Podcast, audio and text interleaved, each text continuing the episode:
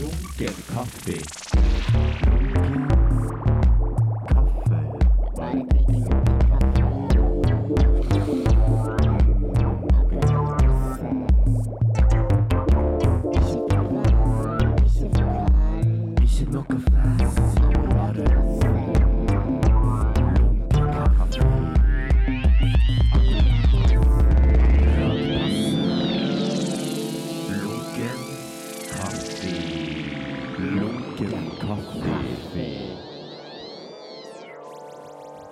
Så introduserer du noe, eller hvordan starter du det her egentlig? Nei, jeg sier bare velkommen til Lunken kaffe, Ragnhild Åmås, eller Mm. dobbel A Mås.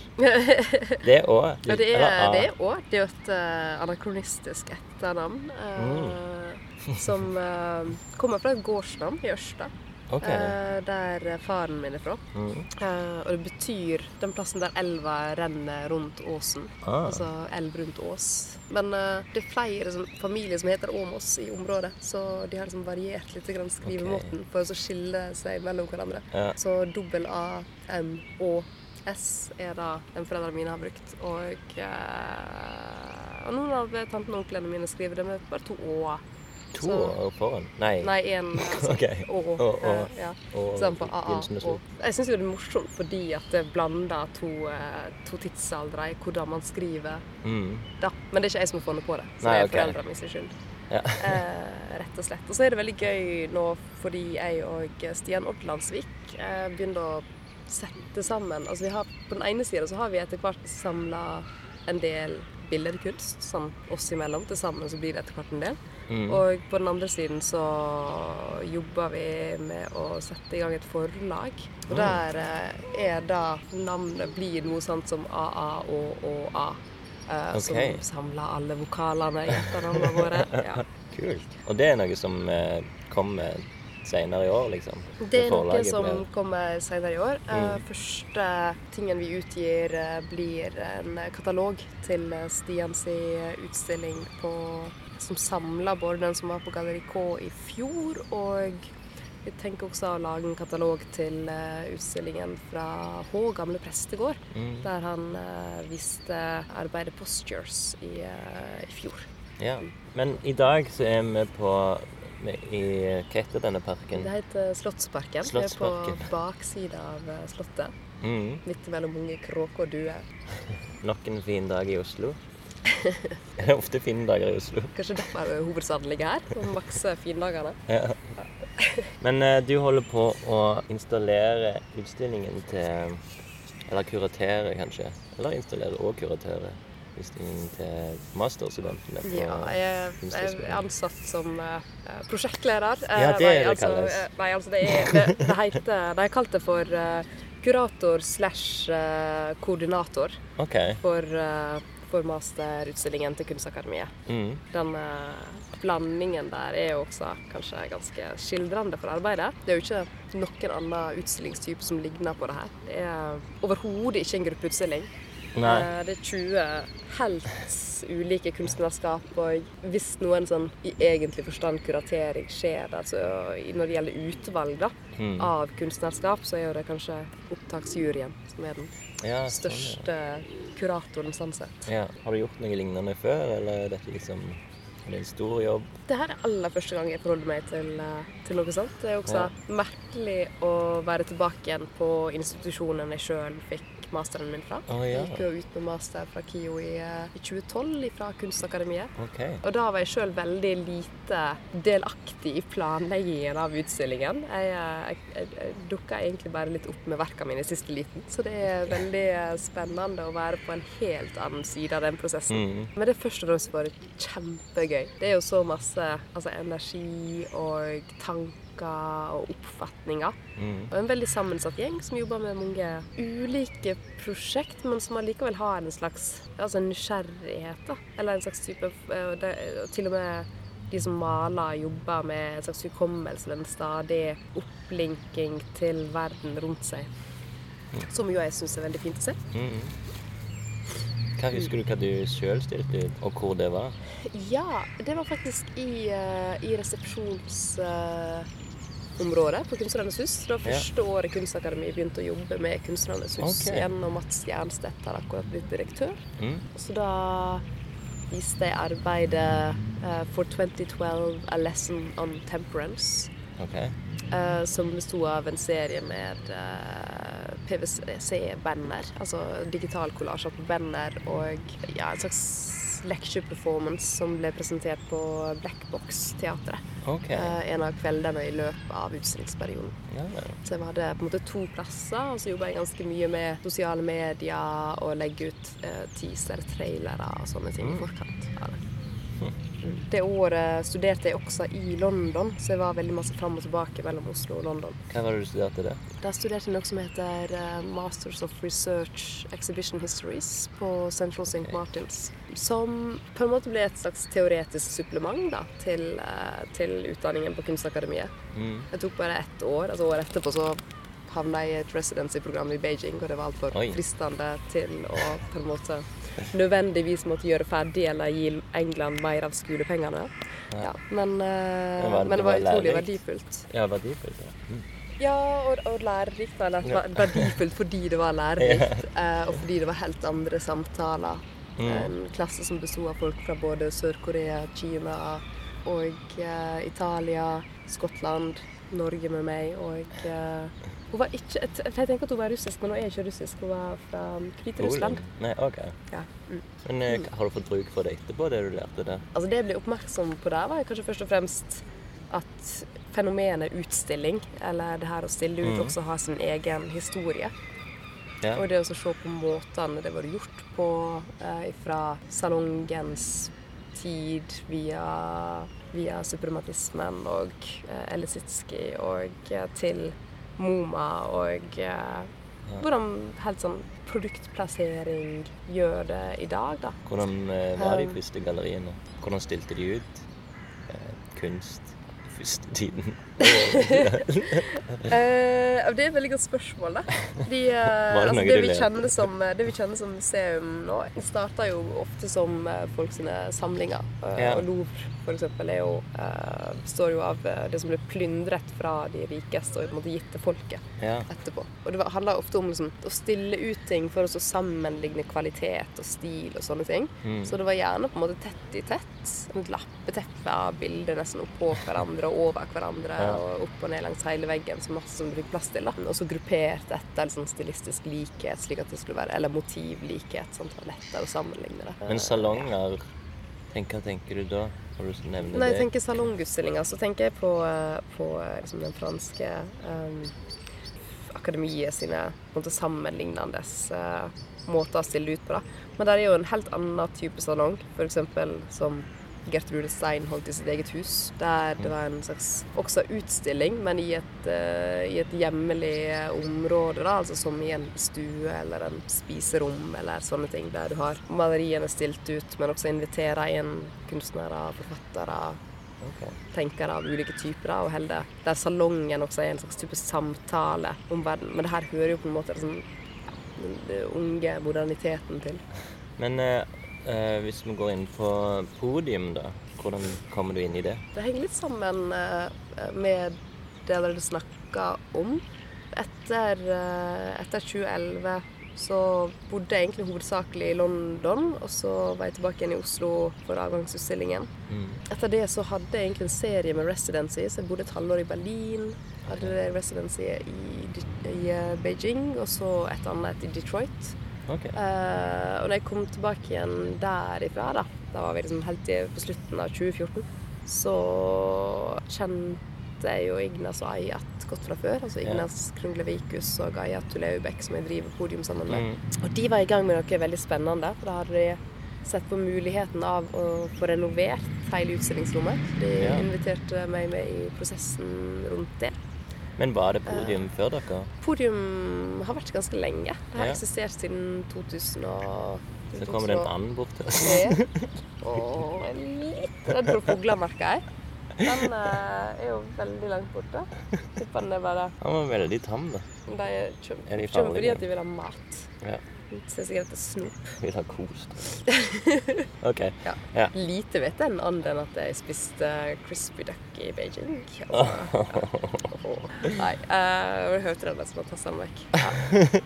Det er jo dyreliv midt i byen også. ja, det er det. Uh, nei, 2003 begynte podium, Ja, og da var det et eh, helt annet Altså rommet så helt annerledes ut. Ja, det gjorde det. Det begynte med å være orientert mot uh, tidsbaserte kunstformer. Et, Ok. et eh, prosjektrom er for altså, eh, eksperimentelt teater og, og sånne ting. Da var det styrt av et slags kollektiv, og så tok etter hvert Snorre Vamen over. Og eh, kjørte det med mer interesse for billedkunst også, da, gradvis, mer og mer. Okay. Der han jobba med performance, men også laga stuntutstillinger. Og hadde på en måte en slags åpen invitasjon da, til mange for å, å stille ut. Og i den perioden så kunne det være altså, en utstillingsåpning hver uke. Okay. Eh, Så det gikk i et veldig, veldig høyt tempo. Mm. Og så, eh, etter noen år, så eh, begynte vel Snorre og Ignas å jobbe sammen. De hadde et niårsjubileum eh, der de var invitert til Vestfossen for å ha niårsjubileet til podium. Og da skjærte de ut eh, ni kvadratmeter av gulvet på podium. For det, var jo også en veldig fin plass for fester, veldig sent på natta. Vi hadde gode godt måte, lydutstyr og sånne ting, så det var lett å få til der. Så gulvet hadde jo etter hvert en patina som var veldig spesiell. Ja. Eh, det var et gammelt lakka tregulv som hadde på en måte lag på lag med, med flekker etter utstillingene som hadde vært holdt der, og litt sånn ikke-eksisterende renhold. Alt ifra helt ordinær maling til eh, raclettefett.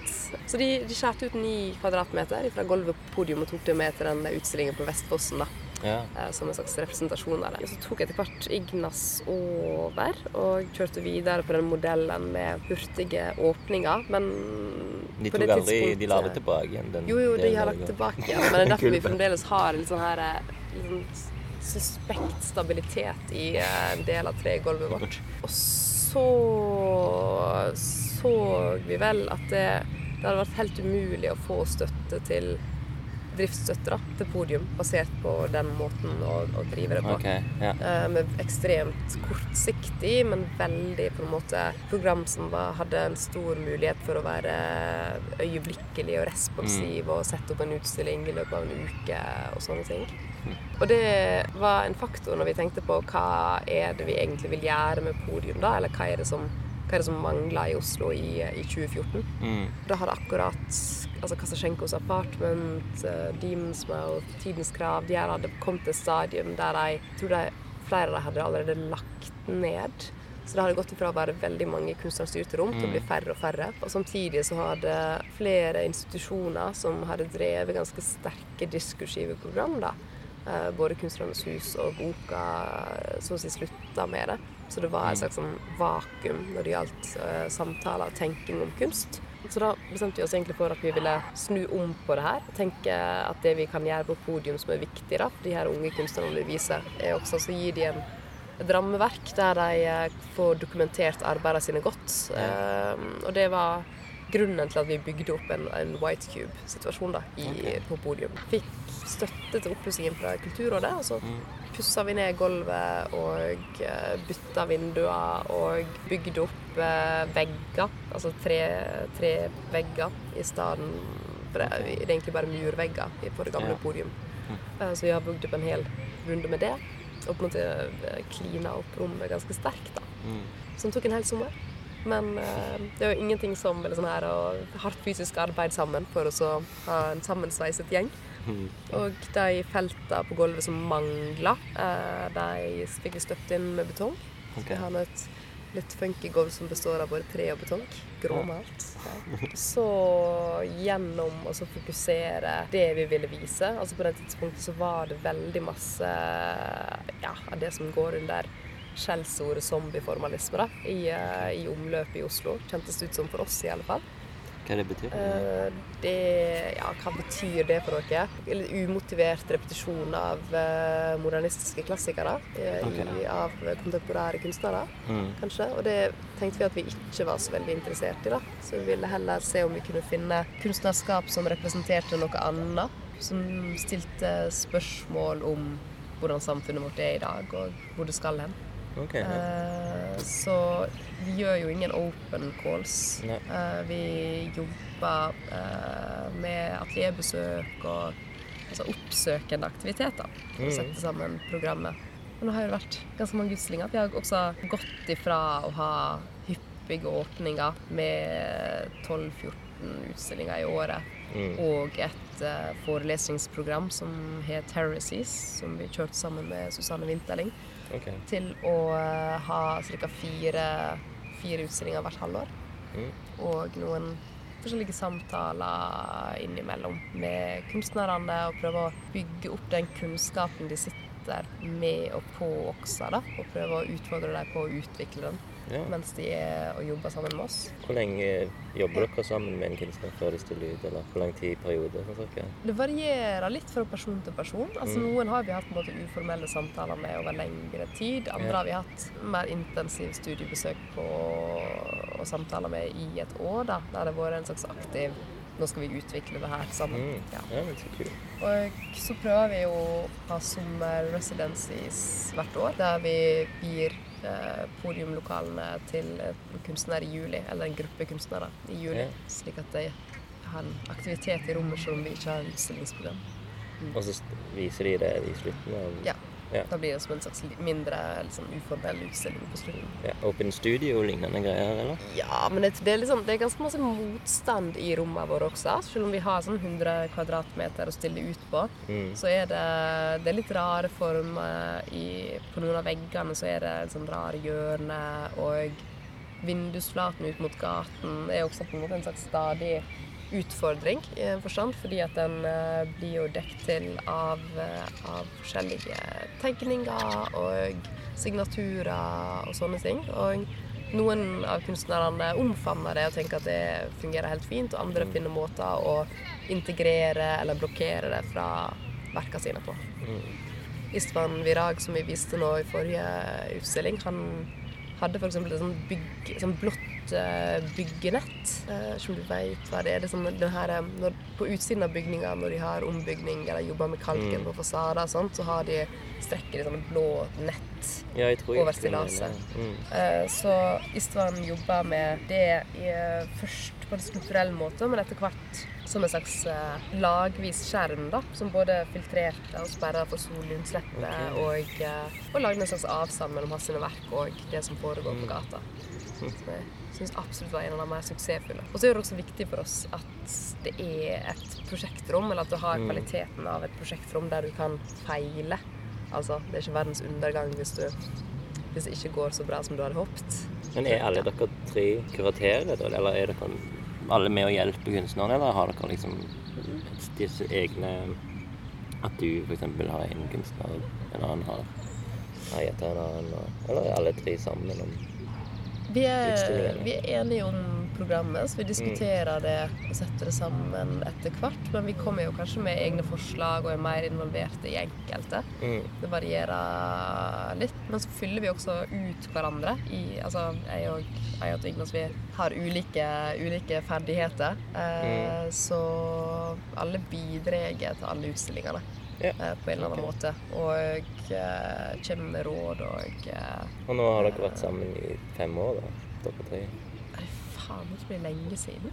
Altså, Hæ? ja, det begynte å bli lenge nå. Nei, altså, ja, 20, altså mest fra 2015, da. Uh, Ja, ok. Ja, så fire Ja, på vei mot fem. Ja, Men det er jo også fint. Ja altså, På en måte skulle vi gjerne hatt inn eh, flere. Eller det er, liksom, det er fristende å tenke at det er et kollektiv med en større grad av, av fordeling av arbeidsmengden. Mm. Vi ser at i perioder der vi sjøl Vi er jo alle, tre- alle tre er billedkunstnere. Mm. Så vi ser at i de periodene der vi sjøl har større egne prosjekt gående, så Ja. kan det bli vanskelig Ja. um, å få gjort ting. Uh, men ja. Men det er jo noe med den balansen også da mellom hvor masse hvor masse hands on ting må være, og hvor masse spillerom man legger opp til. Ja. Hvordan er det på Studio 17? Vi, vi får ha velge våre egne, eller vi er vertskap for så, Vi velger ut fem, eh, fem eller fire uh, kunstnere for hvert halvår.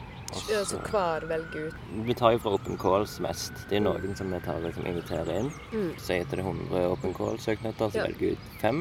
Og da er vi jo fem i styret, Ja. så vi har på meg liksom hver sin som vi hver ansvar for. favoritt. Mm. Ja.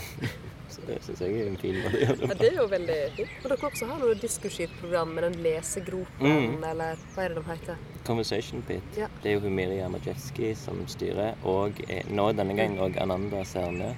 Mm. Eh, sånn så denne runden, da, så handler det om liksom disse andre eh, Hva heter det Ikke følelser, men liksom det å høre, det å Sanser. Sansene, ja. Mm. Mm. Sånn luktesansen. Nå var det lyttesansen. Mm. Tar vi inn liksom forskjellige eh, kunstnere. Eller han Ayat hadde jo òg en eh, der i Men det, da var det om faktisk om eh, kunstnerstyrte visningsrom. Når, Ja. Den perioden han hadde. Ja. Så da var det nok en del om podium. Jeg var jo ikke i byen. Da, da ja, tar liksom folk og velger ut noen sånne essayer eller tekster som folk leser i forveien, og så møtes vi Mm. og snakker om disse tekstene. Mm. Mm. Men dere inviterer ikke inn andre til å kuratere hos dere? Nei, vi har egentlig ikke gjort det. Men det er mest fordi at eh, Studio 17 skal liksom være en sånn en, eh, At kunstneren skal okkupere rommet på en måte. Mm. Og at det, det skal liksom, de skal ha all kontroll sjøl. Mm. Men uh, hun, Miriam Majewski hun, hun har en sånn Hun pleier å kuratere eh, en gruppeutstilling i året. Siden hun er Ja. utdannet kurator. Mm. Mens vi andre er liksom kunstnere. Som regel så jobber vi med soloutstillinger eh, Ja. på podium. Og eh, de gruppeutstillingene vi har hatt, er hovedsakelig gjennom inviterte kuratorer.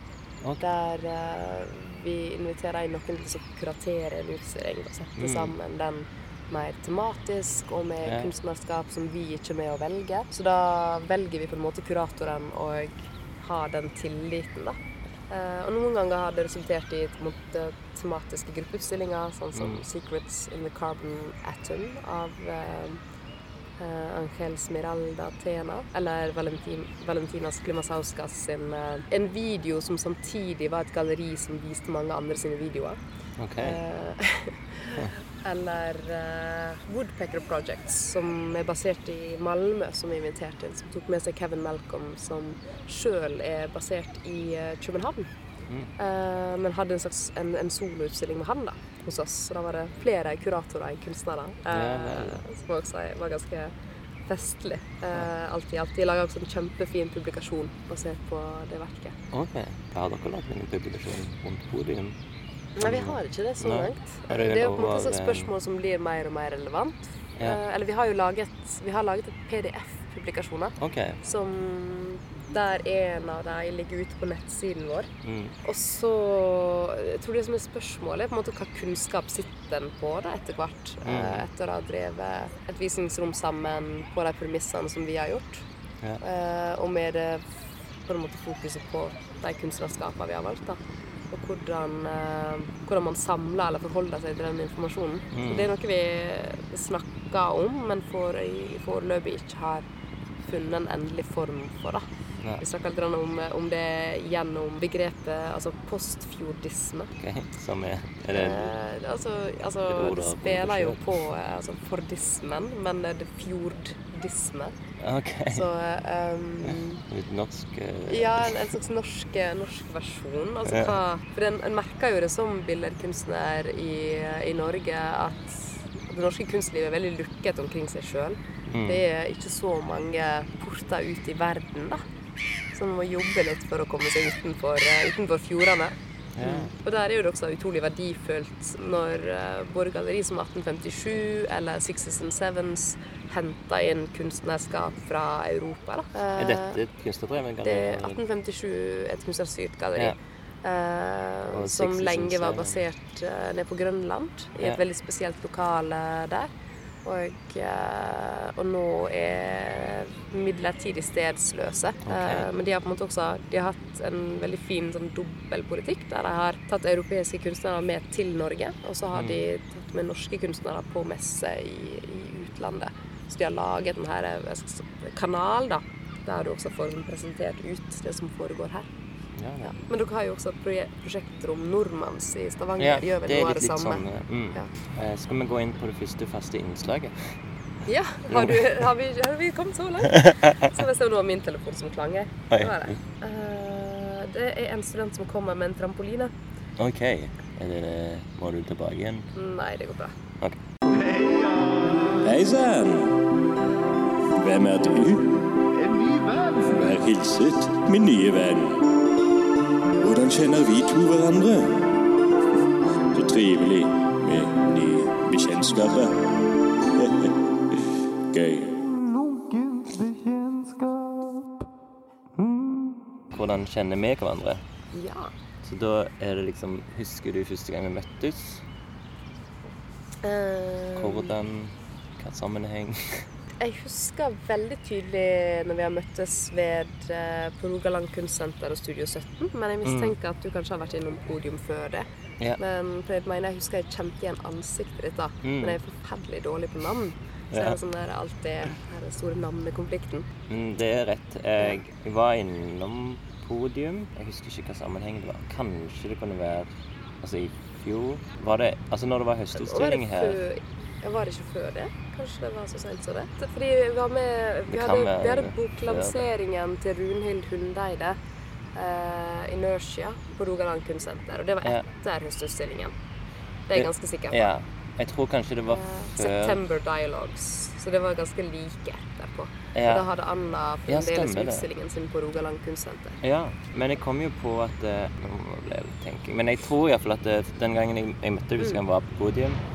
Og da, hadde jeg, da var hun eh, Jessica der, som òg var med i Studio 17. Ja. Jessica Morris. Eh, hun som er på Kunsthallen nå. Ja, ikke sant? Mm. Og jeg hadde møtt Jessica på Kunsthallen også Ja. tidligere. Okay. Vi skrev en sak for Periskop om, eh, om works, altså formidling rettet mot barn. Ja. Og, og Kunsthallen i Stavanger de har jo et ganske fint og langlevd formidlingsprogram. ja. barn. Mm. Mm. For hun sto og snakket med deg, og da, og da tror jeg du snakket om podium, liksom, Ja. hva, hva, hva Ja. det var, hvordan du drev det og sånn. Og da trodde jeg faktisk at du var engelsk, eller at du var engelskspråklig, siden Ja. du snakket engelsk ut. Det her er sånn the power of having studied in Britain. ja.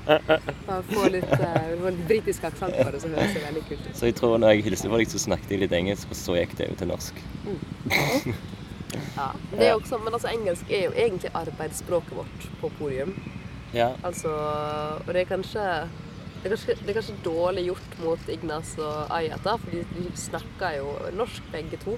Men det er noe med Altså Som en gjennomsnittsnordmannen da, så syns jeg det er veldig gøy å øve engelsken min. Jeg kan De har sikkert lyst til å øve norsk. Hadde dere en slags eh, åpning rundt høstutstillingen? Vi hadde åpning med Tanja Busse i fjor. Det var okay. en formiddagsåpning. Eh, Mm. Formiddag, sier du? Ja. Kan En på, på eh, lørdag. Lørdag formiddag. ja. Men jeg mener at du møtte hverandre før det. ja, det føler jeg òg For jeg mener jeg kjente det igjen da, eller at det er sånn Hvor den koblingen Jeg tror jeg hadde hilst på Ayat før han stilte på Studio 17. Ja. Og det var jo et år før det igjen. Så. Ja, ikke sant? Og jeg så jo ikke Aya sin utstilling, men jeg hadde vært innom Studio 17 i alle fall før det også. Ja. For også, jeg var i, Stavanger av en eller annen grunn, og da var jeg innom Studio 17. Så, Ja. ja. Mm.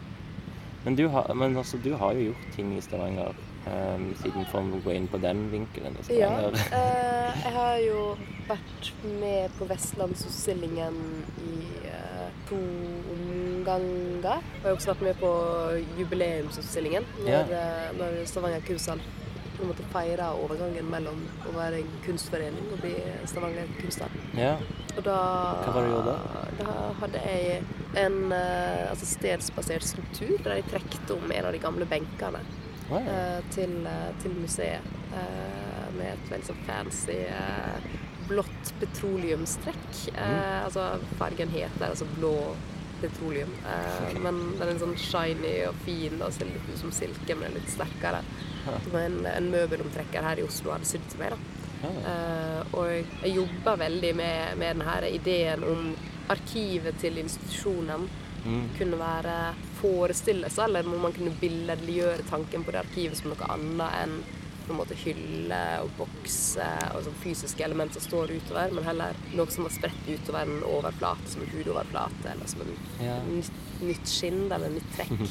eh, der du får en annen relasjon mellom tid og overlapp. Og ja. okay. Eh, yngre og eldre. Ja. Mm. Det var en reverserbar omtrekking, da. Mm. Eh, det var en glidelås de kunne dra av og så komme tilbake Ja, til gamle sånn, ja. dager igjen hvis de ville det. Ah, kult. Har du gjort noe på Kunstmuseet òg? I Stavanger? Uh, nei, men jeg gjorde en performance også i, eh, i den uh, på kunsthallen i Stavanger. Ja. Fordi Vestlandsutstillingen var jo også vist på kunsthallen, Ja. ikke på kunstmuseet. Jeg tror ja.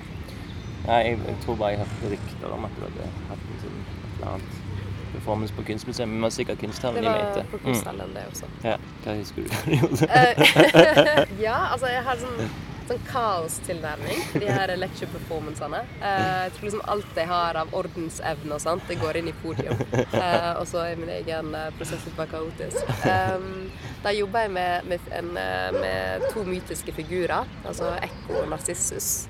Okay. eh, som en gammel gresk eh, myte. Og jeg kom inn på den fordi eh, eh, Spivak, som er en eh, indisk filosof, har skrevet en veldig fin analyse av eh, de to karakterene. Mm. Og der vanligvis så ser vi, jo, ser vi på det som positive kvaliteter å være aktiv, å være fremoverlent og uh, få gjort ting, gå gjennom sin vilje og sånt. Men hun prøvde å se på de her, om de passive kvalitetene ved Ekko. da.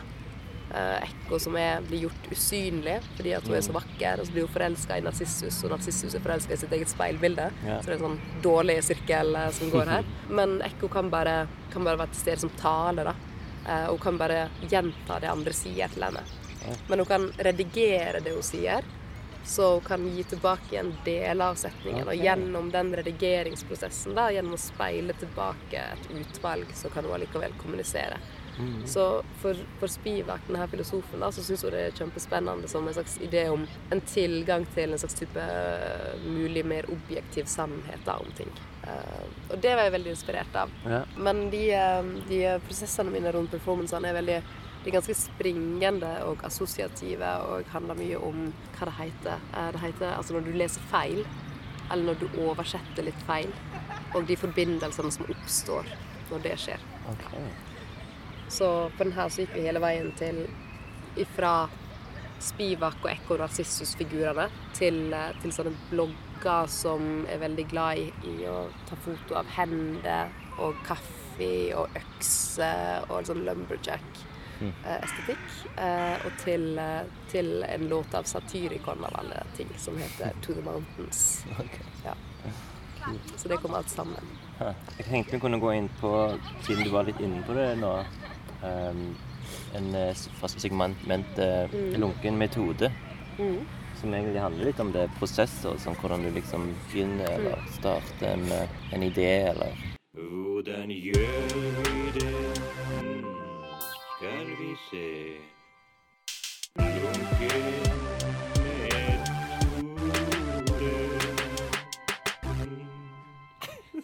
Det henger jo sammen med det jeg sier om ekko. Fordi jeg ble Mm. veldig fascinert av den tanken da, om at det kunne være en, en pose, altså det kunne være gode ting ved de egenskapene som man gjerne evaluerer som dårlige. da. Mm. Det å være passiv, det å så respondere istedenfor å handle. I stedet for å være første handler, så Mm. responderer du mot noe. Så jeg så på hvordan jeg kunne inkludere det i min egen praksis. da, Der jeg både leser veldig masse, driver veldig masse som en slags type parallell, bare pågående praksis som foregår. da. Hvordan skriver du? Har du på laptop? Har du sånne små sånn notatblokker? På hva som helst okay. som lar seg notere på. Jeg hadde veldig lenge ikke smarttelefon. Ja. Jeg fikk en Blackberry akkurat når Blackberryene slutta å være OK. og så har jeg vel egentlig gredd meg med den veldig lenge. Og så gikk den konken. Og da forsto jeg plutselig at det var veldig praktisk å kunne kjøpe billetter, f.eks.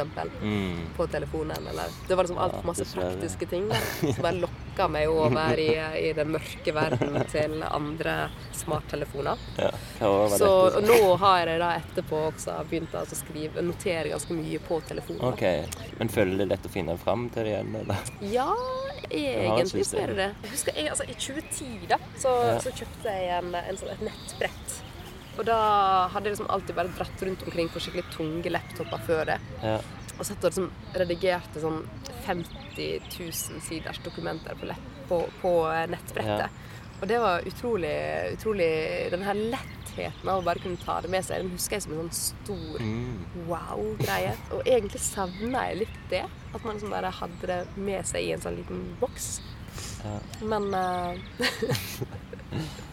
Nei, du går ikke tilbake til skriveboken. da. Vi har vanligvis alltid en notatblokk. Ja. Men jeg tror jeg For det er jo sånn at en alltid får en eller annen utrolig god idé, og så Mm. noterer han den ikke, og så er det ti minutter seinere, så har du glemt det. Du bare veit at det er der. Det her mista fragmentet som du hadde, som hadde en liten bit av en sannhet som bare var fantastisk. Den har du Ja. glemt. Eh, og akkurat der så er jo uh, notatbøker helt uforlignelig gode å ha tilgjengelig. Ja. Men, men det, det er også en annen sak da. Nå sporer jeg veldig av fra den her med metode, men jeg, jeg husker veldig masse bedre når jeg noterer for hånd, Mm. enn hvis jeg uh, skriver det på et digitalt ja, medie. det er sant. Det er. Eh, så jeg syns det er en veldig god kobling mellom ja, hånd-øye-hjerne-koordinasjon, Mm. som er kjempefin. Jeg skrev utrolig stygt. Eh, altså eh, skikkelig håndskriften var Mm. skikkelig uleselig og stygg eh, lenge. Og så var det eh, faktisk lærere på formgivningsfag på videregående som bare nekta meg å ta noen andre fag før jeg hadde tatt kalligrafi Oi. som kunne vært utrolig slitsom, for jeg tenkte at det var helt feil for meg. Og bare sånn Uff, hva er det for noe? da? Det er jo sånn så, for folk som skriver fint, liksom. Det er ikke noe for meg, det. Jeg skriver jo som en gutt. Ja, altså virkelig. Uh, ikke, ikke til forkleinelse, altså. Jeg er sikker på at det er mange gutter som skriver veldig fint. Men i de klassene jeg hadde gått i så langt, så var det sånn at jentene skrev pent og Ja, guttene jo, skrev men det stygt. tror jeg er ganske normalt. Eh, men det som skjedde da, var en sånn kjempe-aha-oppdagelse. Altså Måten jeg satte sammen bokstavene på, bare eksploderte i en eller annen forstand. da, Mm. Og ble satt sammen igjen i en slags strekrekkefølge som en tegning. Og det bare ga mening på en helt annen måte. Ja. Som var kjempefint for meg. Og jeg ser også nå at når jeg skriver rolig, så setter tanken seg bedre enn hvis jeg bare noterer i I havs. Men nå skriver du fint, da. Altså, I disse dager. Eh, Nå skriver jeg relativt uh, leselig, vil jeg påstå sjøl, da. Ja. Eh, men det gjelder å påminne seg av til at det er verdifullt å skrive sakte. Ja. Fordi at det er så masse skriving og tegning i og rundt podium. Eh, altså på, på fasaden og vinduene Ja, og sånt. ja. Så har vi hatt eh, Ja, det er jo på en måte På, på den ene sida så er det del av huset, og på den andre sida så er det folk som kommer fra vestsida av byen, og som kommer ned dit for å tegne fordi at det syns de er veldig kult. Men vi har, vi har brukt å henge opp håndskrevne lapper på døren som en slags type Vi holder på å installere åpning da og Ja. da. Som har vært ganske fint. Eh, De får du lov å Og de får henge. Ja. Altså, podium er jo litt vanskelig å finne når du liksom Dere har jo ikke noe skilt, eller eh, Syns Ja, nei. Eller har dere det? En liten postkasse? Jeg vet ikke hvordan eh, Altså, vi ser jo med adressen Det er jo en dør. Mm. Men du må våge også å gå inn, da. Ja. Det, det stemmer nok, det. Mm. Uh... Er det bevisst valg? Eller hva til dere? Nei, vi skal, skal være litt sånn vanskelig å finne, eller vi får faktisk overraskende mange bare sånn random folk innom også, som bare Mm. Oi, det her så kjempespennende ut. Ja. Hva er det? Men bevisst valg, det er jo sånn type Det er jo innafor altså visningsrommene så er jo det her et, et prosjektrom som orienterer seg mye altså internt i miljøet. Mm. Altså det er Vi jobber ikke veldig aktivt med salg eller formidling eller sånne ting. Det handler mer om å, å på en måte utvikle samtalen innad i kunstmiljøet. da. Ja. Ja, Iallfall sånn som jeg ser det. Det er mulig Ja, at Ayat og Ignas har andre svar på det. ja. Og da, og da gjør det noe med Altså er det at det publikummet som også ser utstillingene, er jo også på nett. Vi har en ganske fyldig arkivdokumentasjon av utstillingene våre på nett. Mm. I eh, relativt god kvalitet. ja, men det var et godt svar. Mm. Du, nå er kaffen blitt er Det er lunken. jo skikkelig eh, Skal vi skåle?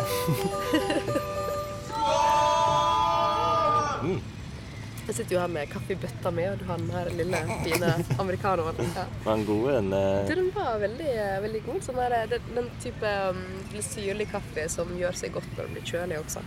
Ja, OK. Men det var sånn masse forskjellige sånn bær og Mm. Var det det med melkesjokolade inni? Og... De her, eh, eh, jeg syns de her eh, beskrivelsene av hva kaffen smaker, er cirka like suspekte som beskrivelsen av veggfargene i Lady-katalogen. Men eh, det er jo nei om det. bris. Ja. Oslo Open har jo nettopp vært. ja. Da hadde du et åpent eh, studio, hadde du ikke? Mm. Har vi åpent eh, atelier, både jeg og Ayat. Ja. Vi deler jo atelier rett ovenfor podium. I etasjen over. Gjør dere det? Mm. Det her er vel det andre året vi deler atelier sammen. Mm. Så det var veldig fint. Vi var del av uh, en guidet tur. Uh, yeah. Så det kom innom personer med guide da, tre ganger. Uh, og så hadde vi vel en eh, ja, ikke 60 folk innom totalt. Mm. Så var det mange som bare kommer innom og lurer på hva det her er. Og det er veldig gøy å se, tenke over hvor uvanlig arbeidssituasjonen vår egentlig er, da. Mm. Altså ikke min og Ayat sin spesifikt, men billedkunstnere. Ja. Der er et uh, nyåpna kunstnerstyrt rom som heter altså Shield. Shield. Ja, She Will. eh, Shield, Ok. eh, som er basert på en gammel Shell-stasjon på Ski. Og jeg var på en åpning der for noen ja, sikkert en måneds tid siden nå. Men der var det en del folk som ikke hadde noe med kunst eller som har, har med filmverden å gjøre, men ikke så mye kjennskap til kunstverden. Og eh, det visningsrommet er jo også i kombinasjon med atelierene. Altså mottakelsen med vin og sånt den foregikk inne på atelierene til de to kunstnerne som driver det. Og uh, der uh, var Maren Dagny Juel den ene, og hun andre heter Liv, men nå kommer jeg ikke på etternavnet. Men de hadde iallfall liksom bare bretta til side litt av verka sine. Og Maren jobba med videoverk og eh, ja, interaktive videoer og eh, taktilitet, mens Liv jobber med Noen ganske store maleri. da. Og det var så eksotisk for de som var på den mottakelsen. De var bare Her sitter vi, liksom, og det er bare maleri der, og der er det VR-utstyr, og hva er Oi, oi, oi. Her. Så jeg tror det er lett å glemme for oss som billedkunstnere hvor eksotisk det egentlig er. Ja, Så det er en fin påminning.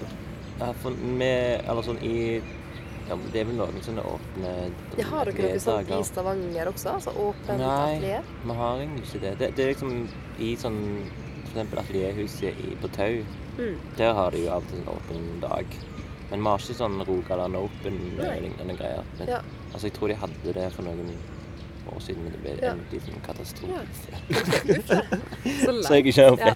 Jeg har bare hørt liksom at det, det har vært, og det endte dårlig. Okay. Og så har jeg ikke fått funnet ut hva det Ja, fordi- innebærer dårlig. Ja, for her i Oslo så Det er veldig fint, altså. Og det er, det, er- nå har det på en måte gått noen perioder. Jeg syns det blir bedre hvert år. Og de som arrangerer det, er veldig flinke på å ta tilbakemeldinger. Og på en måte Ja, syns virkelig de blir sånn flinkere og flinkere. Hvem er det som arrangerer? Er det UKS? Eh, Oslo Open er sin egen organisasjon. Oh, ja, ok. Eh, Den var i tilknytning til billedkunstnerne i Oslo og Akershus før, men det er nå på en måte sjøldreven med eget okay. styre. Mm. Eh, så det er jo veldig fint. Trond Hugo Haugen er Ja. styreleder der, men han er Mm. også styreleder her på Kunstnernes hus. da. Ja. Men han er jo rogalending. Ja. Ja. Han har vært med i Lunken kaffe. Se der. Det er sammenhenger. Eh, og i Bergen så arrangerte de det vel også for først jeg vet ikke om det var første gangen, men iallfall i samarbeid med Oslo Open, altså Bergen Open. Ja, for neste for å så invitere inn eh, Nei, de hadde den helgen her. De hadde samme? Ja. OK. Mm. For det, de, det, det samarbeidet tillater, er jo at man kan spleise f.eks. på å invitere inn eh, internasjonale gjester. Mm. Så jeg hadde jo eh, tre, tre kuratorer fra Ullens-senteret i Beijing på besøk, f.eks. på atelieret mitt, og det er jo utrolig hyggelig. Eh, Spurte de mye spørsmål?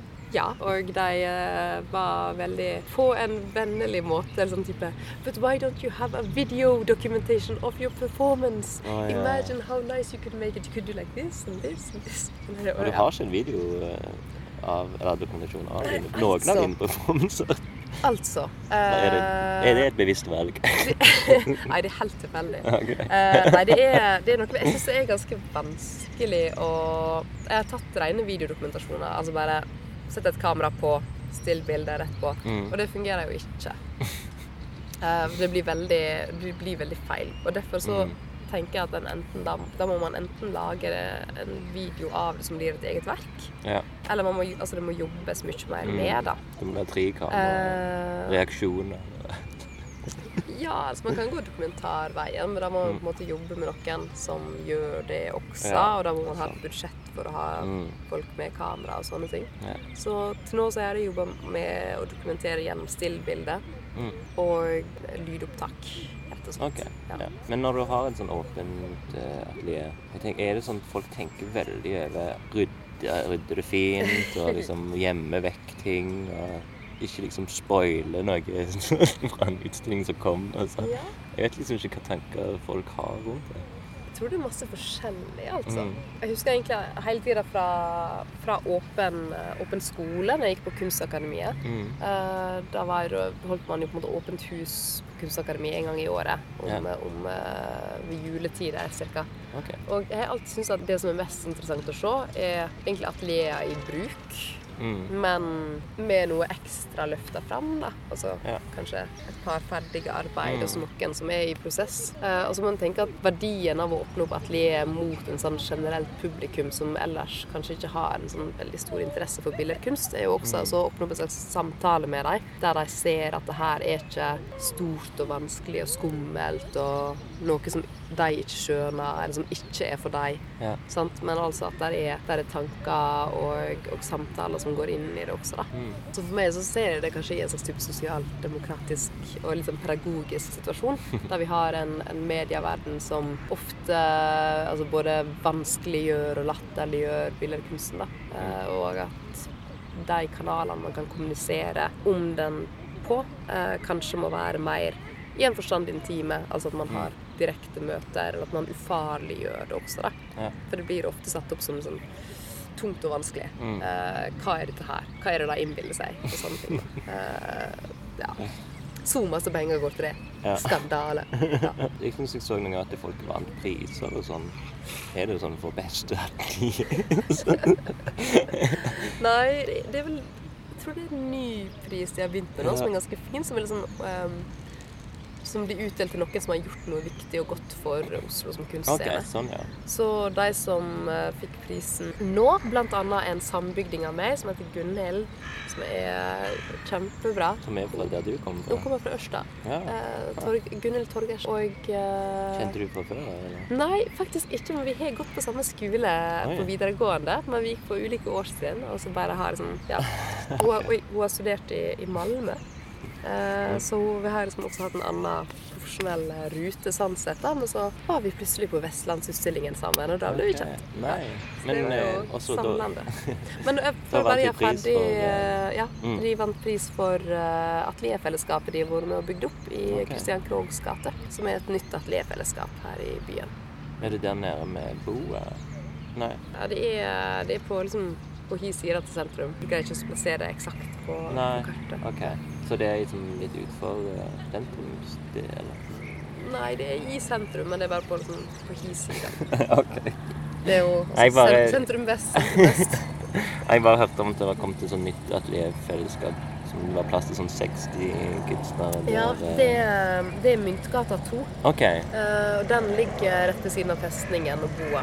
Ja. Uh, og der uh, har også eh, Oslo, eh, Oslo Pilot, altså Oslo Biennalen, har også sitt, sitt hovedkvarter hovedkvarter Ja, der. Ja. Mm. Men det, er- det er helt nytt, så det er jo veldig spennende. Det har også vært jobba lenge, og spesielt fra UKS side, med ateliersituasjonen her i Oslo. Da. Ja. Det er jo viktig arbeid. Mm. De kunstnerboligene der. Ja, det er jo også det nyeste. Eh, hvordan er det i Stavanger? Har dere mange atelierfellesskap og eh, Ja, i sånne gamle Fordi de kunstnerbussene som er her i Oslo, er jo veldig gamle nå. Mm. eh, og har på en måte blitt så dyre at de ikke helt fyller rolla si lenger. Okay. Eh, ja. Jo, nei, vi har eh, Det er vel egentlig Tau Mm. Og den er i Sandnes. Nei, den er i Stavanger. Ja. Så i Sandnes der er det Kino Kino. ja. Der Og der er jo det eh, residency-programmet Mm. Air, Air Sandnes. Air. Sandnes. ja. Mm. Der har de noe og et atelierfellesskap. Mm. Ellers er det et par som er litt sånn forfalne fabrikker som Ja. kunstnere har eh, atelier i. Men det er bare sånne kortsiktige kontrakter, Ja, og ikke sånn på en måte etablert langsiktig Mm. område. Mm. Ja. Jeg og har atelier i en sånn en eh, gammel lokale. Ja. Sammen med sånn kostymelager og eh, Ja, så det er silketrykker der og risotrykker. Ja, for det, verdien av atelierfellesskapene er jo ofte at man kan bygge opp verksteder og Mm. så samle litt utstyr og sånt. da. Ja. Mm. Det er jo det- superviktig for å gjøre det lettere å lage ting. Mm. Um, jeg, jeg så òg at, um, du har også en sånn lesegruppe. Har du det Mm. ennå? Ethics? Ja, men den har sovet i et, eh, et halvt år. Litt pga. arbeid med solutstilling, som så gikk over i å bli et arbeid med, eh, med masterutstillingen eh, nå, da. Som har tatt opp ganske mye tid. Men den vil starte opp igjen. Jeg har egentlig drevet lesegrupper i forskjellige perioder siden 2013. Ok. Um, det begynte når jeg fikk eh, et mesteratelier året etter masterutdanningen. Mesteratelier? Ja, altså her på Kunstakademiet i Oslo, de har eh, det gamle St. Olavsfondet heter. De Mm. eh, har eh, seks atelier på baksiden av Kunstnernes hus, okay. eh, som blir gitt til avgangsstudentene Mm. fra Kunstakademiet på bachelor- og masternivå. Så det er vel tre til master og tre til bachelor, eller noe sånt. Okay. Og når jeg gikk ut, så var de atelierene i Drammensveien, altså den gamle handelsbygningen eh, ved siden av den amerikanske ambassaden. Ikke så langt herifra. Mm. Og jeg fikk et veldig stort atelier, som jo er kjempefint. Eh, men jeg tenkte liksom typ, OK, her har jeg masse plass, og hva kan jeg gjøre? Som på en måte åpna opp og dela litt av det rommet også, da, og de mulighetene. Og da begynte jeg en, en lesegruppe der som var to ganger i måneden ca. Da vi hadde eh, Den begynte klokka ni om morgenen. ok. Og eh, hadde masse altså, kaffe og frokostmat. da, Som en delte sammen med at man eh, las tekster. Og da begynte vi med The Task of the Translator. Mm. Og så var det veldig viktig å på en måte prøve å koble det på hva kan den teksten bety for oss i dag. Og hvilken andre type tekster har man lyst til å lese. Så da gikk det på en måte at forskjellige tekster ble foreslått, og en beskrev hvorfor man hadde lyst til å lese den teksten. Og så Men, val kopiert opp og sendt rundt. og ja. ja. sånn. Men valget med å ha det så tidlig, da? Det er kanskje en personlig preferanse. Jeg syns at, eh, at både for min egen del så fungerer det veldig mye bedre å både lese og skrive tidlig på dagen. Ja, jeg er helt enig. På kvelden så blir jeg sånn her distrahert eh, og jeg har masse inntrykk og sånt, Mm. mens der er det liksom Og noe med det her liksom deadpan-greia også, da. Og, bare, og også den her i godt å bare stå opp Ja. og på hjorting. Og klokka ni er jo ikke så veldig tidlig, egentlig. Nei. Nei, det er jo ikke det. Men det, du er liksom ennå fersk, liksom. Hjernen er liksom Ja. nylig Nylig klekket. Klekket ut av søvnen. Siden det er så masse fugler her. Men ethics, da? Hvor hadde du det? Uh, den er, ble på en måte utvikla fra en invitasjon fra, fra pub. Og pub det er et prosjektrom som Torpedopress uh, og eh, LMA satt sammen. Altså, okay. Torpedopress er jo et, et forlag for kunstbøker. Mm. Og tidligere også en butikk for kunstbøker. Ja. Mens LMA er et, et designbyrå. Ok. Eh, består begge to av veldig flinke folk. Og de har gått sammen for å ha laget pub, da. Som kommer ifra altså public, publish, og en slags diskusjon rundt omkring hva det vil si å offentliggjøre da, eh, i, i dag. Altså hva, hva er verdien av offentliggjøringen, eller hva, hva bidrar den med? Må det være Er det bare offentlig det som er fritt tilgjengelig midt ute i et åpent rom, eller er det noen andre kvaliteter ved denne offentliggjøringen, da? Eller halvoffentlige rom, som mange kunstrom jo egentlig er. Mm. Og der bestemte vi oss for at mitt bidrag skulle være en, en ny lesesirkel som fokuserte på etikk. Mm. Og begynte da eh, med å lese Hanne Arendt eh, sin um, 'The Origins of Totalitarianism'. Det er en spesiell lesning. Eh, til forskjell fra tidligere lesegrupper jeg har drevet, så er det også massivt å skulle på en måte gå gjennom en hel bok. Mm. Eh, med alle de på en måte, historiske føringene og responsene som går rundt den. Så den holder vi egentlig enda på med. OK. Når starta det? Det starta i fjor i april. OK. Da kom jeg tilbake igjen fra et residency i Argentina. Men nå har jo den, den har sovet i praksis da siden august til nå. Så uh, jeg gleder meg til å ta tak i den igjen. Mm. Du har ikke snikelest i den siden? Nei. Nei, jeg har ikke det. Jeg burde sikkert ha gjort det. Uh, ja. Den er litt uh, treig materie, men veldig fint å lese liksom alt også. Mm. Det her å bare lese igjennom noe sakte har en sånn egen, egen verdi. Og det å lese Absolutt. alt istedenfor å bare lese utdrag, eller Mm. akkurat her er poenget, bare Ja. les poenget. Mm. å se hele strukturen hun bygger opp, da. Skal vi gå inn på et annet fast segment? Er det mange faste segmenter? Nei, nå, er det faktisk eh, Jeg tenker dette skal bli den siste. For uh, vi har jo snakket i over en time iallfall. Men det er segmentet Bergman. Ja.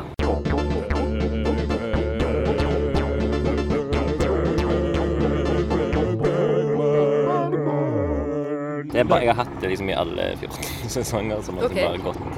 Først var det at jeg leste fra selvbiografien hans. Og så skulle vi liksom relatere til Bergmans selvbiografi. Og så ble det liksom egentlig bare at du skulle velge din favorittfilm av Bergman, og så skulle det bli tittelen på episoden. Mm. Men nå er det faktisk Vi skal finne tittelen på den episoden med hjelp av Ingmar Bergman Ja. A til Ø. Så jeg kan jo først spørre deg om du har et forhold til Ingmar Bergman. Skammelig nok i veldig liten grad. Ja. Altså, han eksisterer jo på en måte som en, en filmskaper som jeg har en slags dårlig samvittighet i forhold til det at jeg burde ha sett mer av filmene. Ja. Ja. ok. Så jeg Hva, tenker at det uh, Ja. hva har du sett der? Eh, Hva har jeg sett? Det har liksom ikke festa seg heller. Det har liksom bare det her bilder av noen folk eh, som spiller sjakk med døden, og, og noen sånne her greier. Den her juleserien, Fanny Alexander? ja, er den eh, Bergman? Mm. Ja, for den, har jeg, den har jeg sett uh, i, i nyere tid, da. Jeg hadde, av en eller annen grunn så Den har jo på en måte vært en sånn klassiker som har gått på NRK nesten hvert, hver jul. Mm. I ganske lang tid. Ja. Og jeg har av en eller annen grunn alltid tenkt at den er sikkert dritkjedelig, så den gidder ikke jeg se. uh, og så så jeg den uh, for et par år siden og ble veldig imponert. Ja. Ja. Ja, det Eh, så, det, så, så, så det er litt sånn her Som sagt, litt sånn guilty conscience når det kommer til Bergman. Hva har du, har du Hvorfor har du Bergman med, da? Hva, kommer, hva betyr han for deg? Nei, han er liksom på Han var ganske lenge en sånn fyr som jeg, som jeg strevde etter å bli som, liksom. Mm. Han var så produktiv, lagde en ny film og et nytt teaterstykke hvert år Mm. siden han var sånn fra han var 33 eller noe sånt. Dårlig gjort, altså. Så masse. Men så er det jo Hvor mer jeg lærer man, hvor mer finner jeg ut hvor grusom man var. liksom hvor, hvor eh, Altså alle, andre prioriteringer liksom gikk vekk. Og liksom alle ungene alle elskerne og alle liksom Konene. Ja. Men eh, han skriver veldig bra òg. Eh, for jeg, når jeg leste hans selvbiografi, Mm. så syns jeg jo det var noe av det mest underholdende jeg har lest. Og jeg så er jeg veldig glad i filmene hans. da. Mm. For når han tar opp sånne ting som jeg liker, sånn som menneskers syke og Mm. religion og sånne ting som er veldig eh, Hva Eller er den her A til Ja, så Ø? A til Ø, ja. Så da Det som Er det selvbiografien? Nei, dette her er bare et ord. Her, han hadde jo sånn 100-årsjubileum nettopp i Mm. fjor, og da lagde vi denne boka som, som en slags ordbok, da. Som Ja. en sånn ting som han eh, Ord og sånn, så kunne han relatere til han og Mm. hans ting og sånn. Mm. Så jeg plukket den opp til lunken kaffe for at Mm. liksom, det her skulle brukes på en eller annen måte Ja. i podkasten. Så det du skal gjøre, er å velge en bokstav mellom A til Ø. Mm. Og så skal jeg bare lese opp det som står, og så skal vi finne tittelen på episoden. På Fantastisk. Eh, nå har vi jo snakket masse om etternavnet mitt, da. så da kan Ja. vi jo ta R. Mm. Ja. Ok, den første på R er red. Color at the longer wavelength end of the spectrum of visible light. Mm. Uh, Ingmar Bergman's film work is most remembered for its black and white cinematography, uh, masterfully crafted by the, his two main photographers, Gunnar Fischer and uh, Sven Nykvist. But he also made a handful of films in color, nine that were thea- theatrically released, to be exact. At least one of them pioneered the use of color. Um, yeah, pioneered the use of color. uh, Cries of Whispers from 1973. All my films can be thought of in terms of black and white, except for Cries and Whispers, Ingmar writes. The film's most distinctive feature is its striking color palette, made up almost exclusively of shades of red, black, and white. The colors are structured after location, a saturated red dominates scenes inside the manor, while the outdoor garden setting is in an autumnal green. Autumnal Eh, hvordan ser det ut? uh, Autumnal Autumnal. Okay. Høstlige. Ah, okay. Green hues. The film is about a woman played by Harriet Anderson on the deathbed and has, uh, and as many critics have pointed out, the red color can be interpreted as a metaphor for blood, but also the human soul, the inside of which uh, Bergman said he imagined to be red. Mm. Du- Rødsjel. Ja. Der har vi, der har vi navnet på episoden. Uh, to achieve the right color effect, Bergman and Nikke tested everything that could possibly be tested color-wise before filming began. Makeup, hair, clothing, every object, wallpaper, upholstery and carpet. Så rød. Rød skjær. Ja, men det var jo det var si? veldig sånn fine Sånn som den elementet der, da, der det står 'Except for cries and whispers'. Mm. Den eh, hang jeg meg veldig opp i da du leste den, da. Men, ok. eh, hva var det som, men det var den røde sjelen som uh, hoppa ut til deg. ja. For Christ uh, 'Except for cries and whispers'. ja, Sånn, ja. Unntatt. Unntatt uh, gråt og uh, Ja, eller unntatt utrop og kviskering. Ja. OK. Nei, eller, ja, Ja, det høres bra ut. Det er en veldig kryptisk tittel, da. Ja, men det, det, Men det er litt kryptisk, eh, den boken også. Ja, og det, og det, det er sånn som vi snakker, skal være litt kryptisk. Alle titlene har på en måte en sånn Det er ingenting i tittelen til disse episodene som indikerer hva du får, på en måte. Så jeg tror det er en veldig bra tittel, altså. Det er en veldig god måte også å ta et, et, ta et valg på, da. Mm. Det er jo eh, gjerne jeg tror det er veldig mange som har sånn veg, vegring mot å avgjøre ting. Ja. Eh, Hvordan er du i forhold til titler, forresten? Hva? Hvordan er du i forhold til titler? Jeg syns de er kjempeviktige, men jeg er litt utro mot titlene mine. Jeg kan forandre dem hvis jeg ser Ok. etterpå at de blir bedre som noe annet. Ja. Så jeg prøver å legge litt ledende informasjon i de. Eksempel i den utstillingen jeg hadde på Kube kunstmuseum i fjor, Mm. hadde jeg en serie med teppe eller dørmatte. De var ganske store med eh, sånn fargerike kollasjer på, da. Altså Mm. digitale kollasjer. I denne funksjonen som dørmatte så hadde de også titler som 'Velkommen skal du være', som både er på en måte egentlig en, en hjertelig måte å ønske noen velkommen Mm. på. 'Velkommen skal du være'.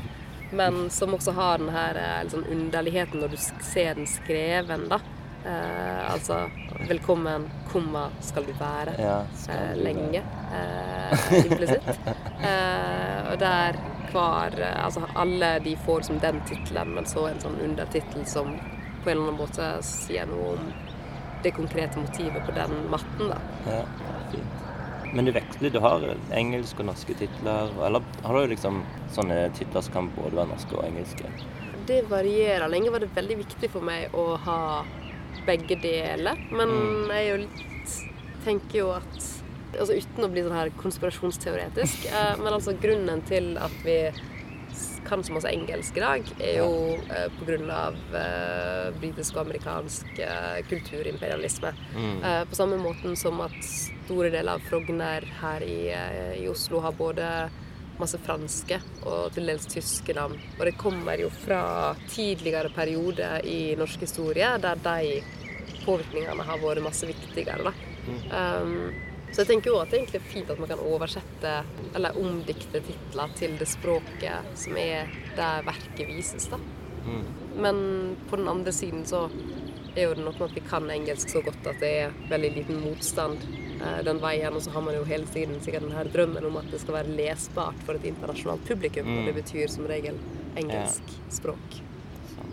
Fordi at i den perioden der ting har blitt globaliserte, så er det tross alt engelsk som har vært vårt eh, latin, da. I en forstand. Du må vel, hvis du skal sende liksom, portefølje, så må du ha den engelske tittelen. Hvis du skal Ja. sende til språk. Mm. Men, men der er jo også Altså Jeg gjorde jo en lecture performance for, for eh, utstillingen Seeable Sayable på Kunstnernes hus Mm. eh, i 2016. Der jeg jobba aktivt med en sånn helt løpende oversetting fram og tilbake mellom norsk og engelsk. Altså, At du oversatte sjøl? Ja. Ja. Eh, og der, der det er også en forskjell mellom den norske og den engelske teksten. Mm. Uh, og at om du kan bare det ene språket, så får du ikke med det hele. da.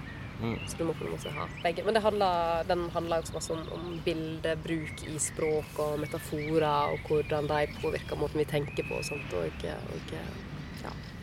Men vi fikk jo litt engelsk her med opplesningen også. Ja, jeg er ikke så veldig god i engelsk, eh, finner jeg ut hver gang jeg leser denne.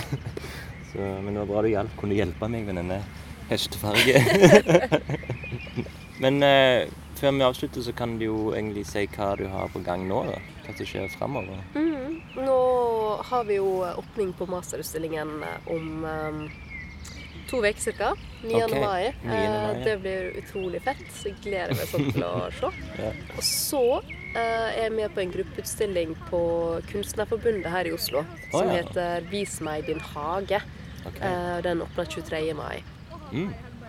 Em, så det er på en måte de sånn to store tingene. Og så drømmer jeg jo om mer tid på atelieret, for jeg har liksom ting liggende som er mer sånn prosjekt for min egen del, som jeg bare trenger masse Ja. altså, tid til å så fokusere og jobbe på. Da. Ja. Og det er jo noe med at fordelen med residencies er jo f.eks. at man får masse liksom, fokus og tid til å så jobbe på sine egne ting. Mm. Så jeg hadde et veldig bra, veldig bra to måneders opphold i Argentina i fjor. Oh, ja. Eh, på Urra i Tigre, som var veldig bra. For å bare virkelig gå i dybden yeah. på ting. Så det er det. Og så har vi da utstillingsåpning nå på podium i morgen, faktisk. Mhm. eh, Med Oslo Håndvaskeri. ja. Eh, og så har vi en utstilling som kommer med Espen Gleditsch eh, i juni. Like før sommeren. Okay. Mm. Så da avslutter sesongen. Ja. Og så blir det en residency Og da, ja, etterpå. da. da har vi eh, åpent rom for det som residency etter det. Ja. OK. Men tusen takk til Ragnhild for fin samtale. Takk for det, Espen. Takk for invitasjonen. Kaffe.